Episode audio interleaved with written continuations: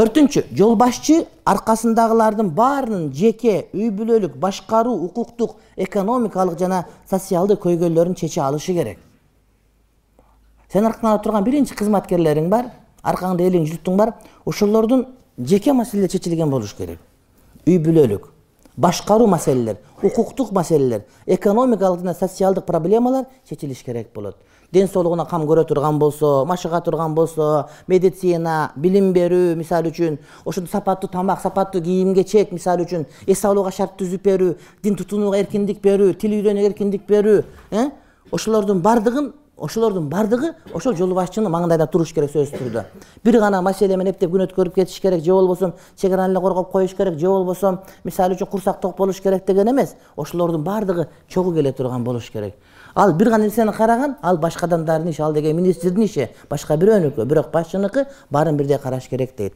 Бешинчи жол башчы койгон сунуштар жана принциптер жашоодо аткарууга мүмкүн боло турган түрдөн болушу шарт. Аткарыла турган нерсе болуш керек урматтуу бир тууганым. Ийгиликтүү жол башчы жашоодо аткарууга мүмкүн болбогон кыялдуу принцип жана сунуштардан ар дайым оолак алыс болот дейт. Аткарылбай турган эчтене кереги жок ар ким алына жараша айтып туруп элге түшүндүрүп келгиле чогуу баштайлы дей турган болсо ошондо туура болот дейт. Дагы бир маанилүү нерсе лидер максат кылып алган принциптер ар дайым жандуулугун сактай алуусу керек. Негизги принциптер бар го бул адамгерчилик элге журтка кыяматка чейин кызмат кыла турган принциптер сөзсүз түрдө болуш керек. Бүгүнкү менен бүтүп кала турган болбош керек эртең менен бүтүп кала турган болбош керек. Дагы бир маанилүү нерсе лидер максат кылып алган принциптер ар дайым жандуулугун сактай алуусу керек.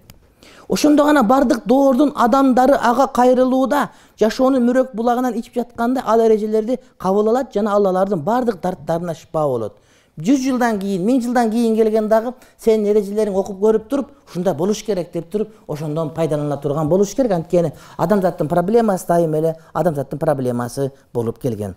Арадан көптөгөн жылдардын кылымдардын өтүшү бул негиздерди өзгөртпөстөн тескерисинче ар бир өткөн убакыт ал негиздерге жаңылык жана өнүгүү алып келиши керек ушунчалык деңгээлде анткени төрт адамдын пикирин тагдырын ойлобостон адамзаттын тагдырын ойлоп туруп кызмат кылына турган болсо ошондо мамлекеттер жакшы болот. Болбосо кээ бир өлкөлөр иш кылышат урматтуу бир тууганым өзүнүн өлкөсүнүн кызыкчылыгы болгону менен кошуна өлкөнүн кызыкчылыгы каралбай калып кетет да.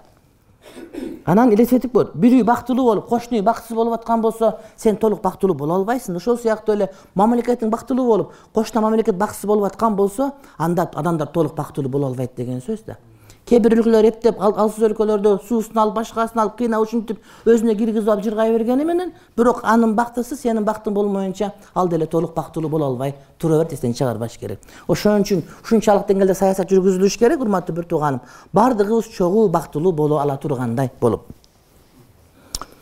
Өз ишин жакшы билген мыкты жол башчыда болуусу талап кылынган бул негиздерди талдасак дүйнөнүн эң мыкты жол башчысы зирек акылман жана даанышман болгон мухаммад саллаллаху алейхи вассалам экендигине күбө болобуз. Себеби ал жогоруда айтылган баардык жакшы сапаттардын туу чокусун ээлеген өзгөчө инсан. Ага теңдеш экинчи бир адамды көргөзүү мүмкүн эмес. Ошол чыныгы жол башчылар адамзатка келтирген жакшылыктары биз айтылган жанагы беш принциптин негизинде изилдөө жүргүзүлгөн дүйнөдө дүйнөдөгү баардык өтүп кеткен азыркыга чейинки болуп аткан кыйындардын баарын компьютерге салып ушул беш э, критерий негизинде изилдеп чыкканда биринчи орунда мухаммед пайгамбар келген. Адашып калды болуш керек деп кайра кайра кайра кайра кайра кайра салышканда кайра кайра кайра кайра кайра кайра мухаммад хабиб мустафа саллаллаху алейхи вассалам чыгара берген. Пайгамбарыбыз адамзатка алып келген кабарларынын эч бири жашоо менен терс болгон эмес эгерде кимдир бирөө пайгамбарыбыз алейхисалам осуяттарын угуп туруп окуп туруп ошонун ичинде пайгамбарыбыз алейхисалам алып келген нерсе жашоого туура келбейт деп айта алышы эч убакта мүмкүн эмес. Жол башчынын өзгөчөлүктөрү жөнүндө биринчи жол башчы тез жана туура чечим чыгаруу өзгөчөлүгүнө ээ болушу зарыл дейт. Ошого аракет кылыш керек. Жанагы кээ бир э, чеберчиликтерди мисалы үчүн жанагыдай азыр жана математиканын бир түрү бар. Кайсы математика бар? Жаш балдар окуп аткан менталдык. Эмне үчүн? Арифметика. Адамдын акыл эсин өстүргөнгө өтө пайдасы. Ошол сыяктуу нерселерди берип балдарды эмне келечекте жол башчы болгонго даярдашыбыз керек. Жол башчы тез жана туура чечим чыгаруу өзгөчөлүгүнө ээ болуш керек. Бир аз кечиктирилип калса анда ал нерсе туура эмес болуп калышы мүмкүн. Революция болуп атат элдер ак үйгө чогулуп алды башка болду. Чечим чыгарыш керек жооп бериш керек. Демек жол башчы да тез жана туура чечим чыгаруу ээ болуш керек. Бул пайгамбарда бар болгон өтө ыкчам чечим чыгаруу зарыл болгон учурлар болот жол ошого даяр болуш керек пайгамбар ошого даяр болгон. Эки эл урушуп кетип кан төгүлө турган болуп башка боло турган болуп маселе чечилгис болуп калгандай учур болгон ошол учурларда пайгамбарыбыз алейхисалам эң урматтуу бир туугандар камырдан кыз суургандай чыгарып чечим чыгарып берген. Жол табиятынан эле эр жүрөк болуусу керек. Эр жүрөк болбогон адам жол башчы боло алат харизма болуш керек эр жүрөк болуш керек. Сөзсүз түрдө жанагыдай неме мындай бир э, баардыгын түшүнүп туруп бирок эр жүрөк боло албай турган болуп калса анда ал жол башчы болгон урматтуу бир туугандар эмне ал жарабай калышы толук түрдө мүмкүн дейт да. Эч качан өлүмдөн коркпош керек өзүнүн көлөкөсүнөн корккон адам жол башчы боло албайт дейт.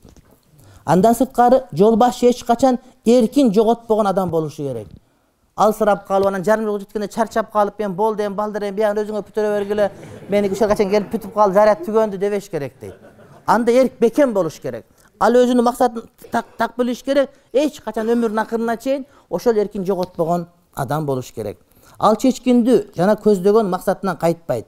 Ал келечекке ар дайым үмүт менен карайт жана эч качан үмүтсүздүккө түшпөйт ал алдынан кандай кыйынчылыктар жолукса да жеңип чыгат эрктүү болуш керек. Жанагы билесиңерби экиге чыккан үчкө чыккан балдарга эмне десе эле апам айтам апам дей берет анткени апасы баардыгын чечип коет дагычы проблема бар чечилет баардыгын урушуп коет баардыгын коркуп апам дейт да. Анан жетиге чыкканда атам деп айтат. Чын ошентип отуруп өзүндө герою болот да. А жол башчы дагы адамдарды ушундай ошону ээрчип аткандыгы үчүн көңүлдөрү ток болот ага толук ишенич камил болот эмнеге? Ушул бизди баардык проблемалардан сууруп чыгарат деген түшүнүк бар. Жол башчы ар дайым жоопкерчиликти сезип туруш керек. Кээ бир адамдар бийликке келип калганда өздөрүн жоготуп коет. Ошол жерден тамак жеп ошого курсан болуп адам урмат сыйласа ушул мага урмат сый экен ал сага эмес ал кызматка болгон урмат сый.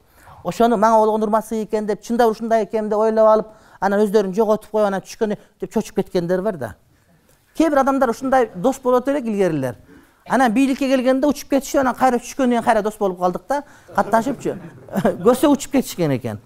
Ага болгон кызмат ага болгон жанагы машинелер башка бир нерселер адамдарын сүйлөп паланча түкүнчөбүч түкүнчөбүч дегендер кыйтып галстугун буугандар ийилип жүгүнүп турса эле мен болуп калыпмын деп ойлойт анан көзүнө май басып калат экен да жок.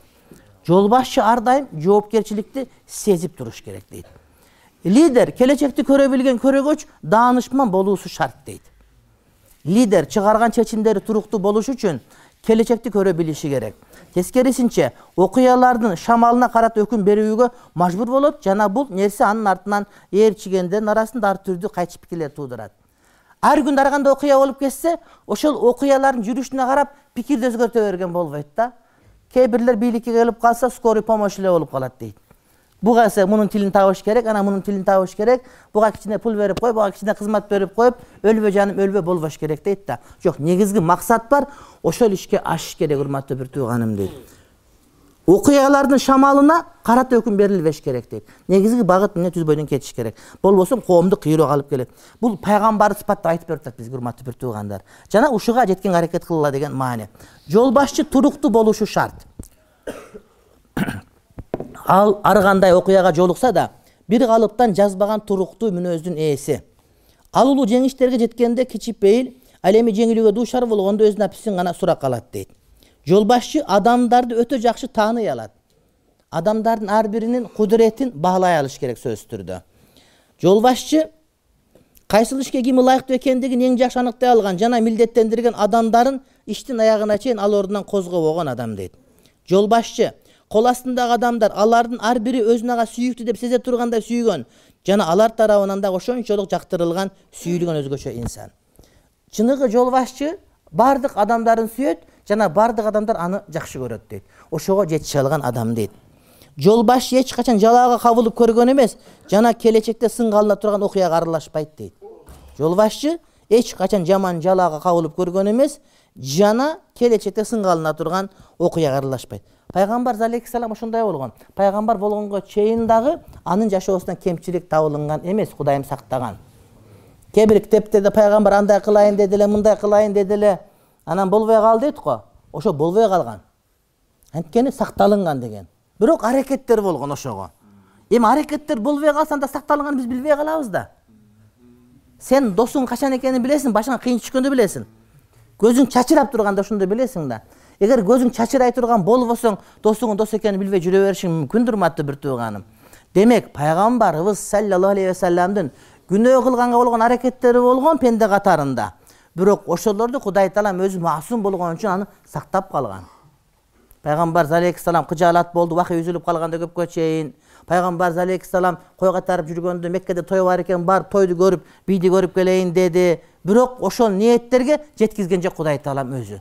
Ал ошо пайгамбар алейхисаламдын сакталынгандыгынан кабар берип турат.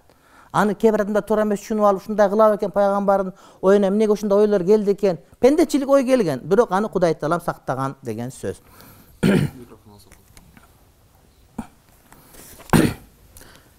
жол башчы коом ичинде көп тармакты алдыда болот.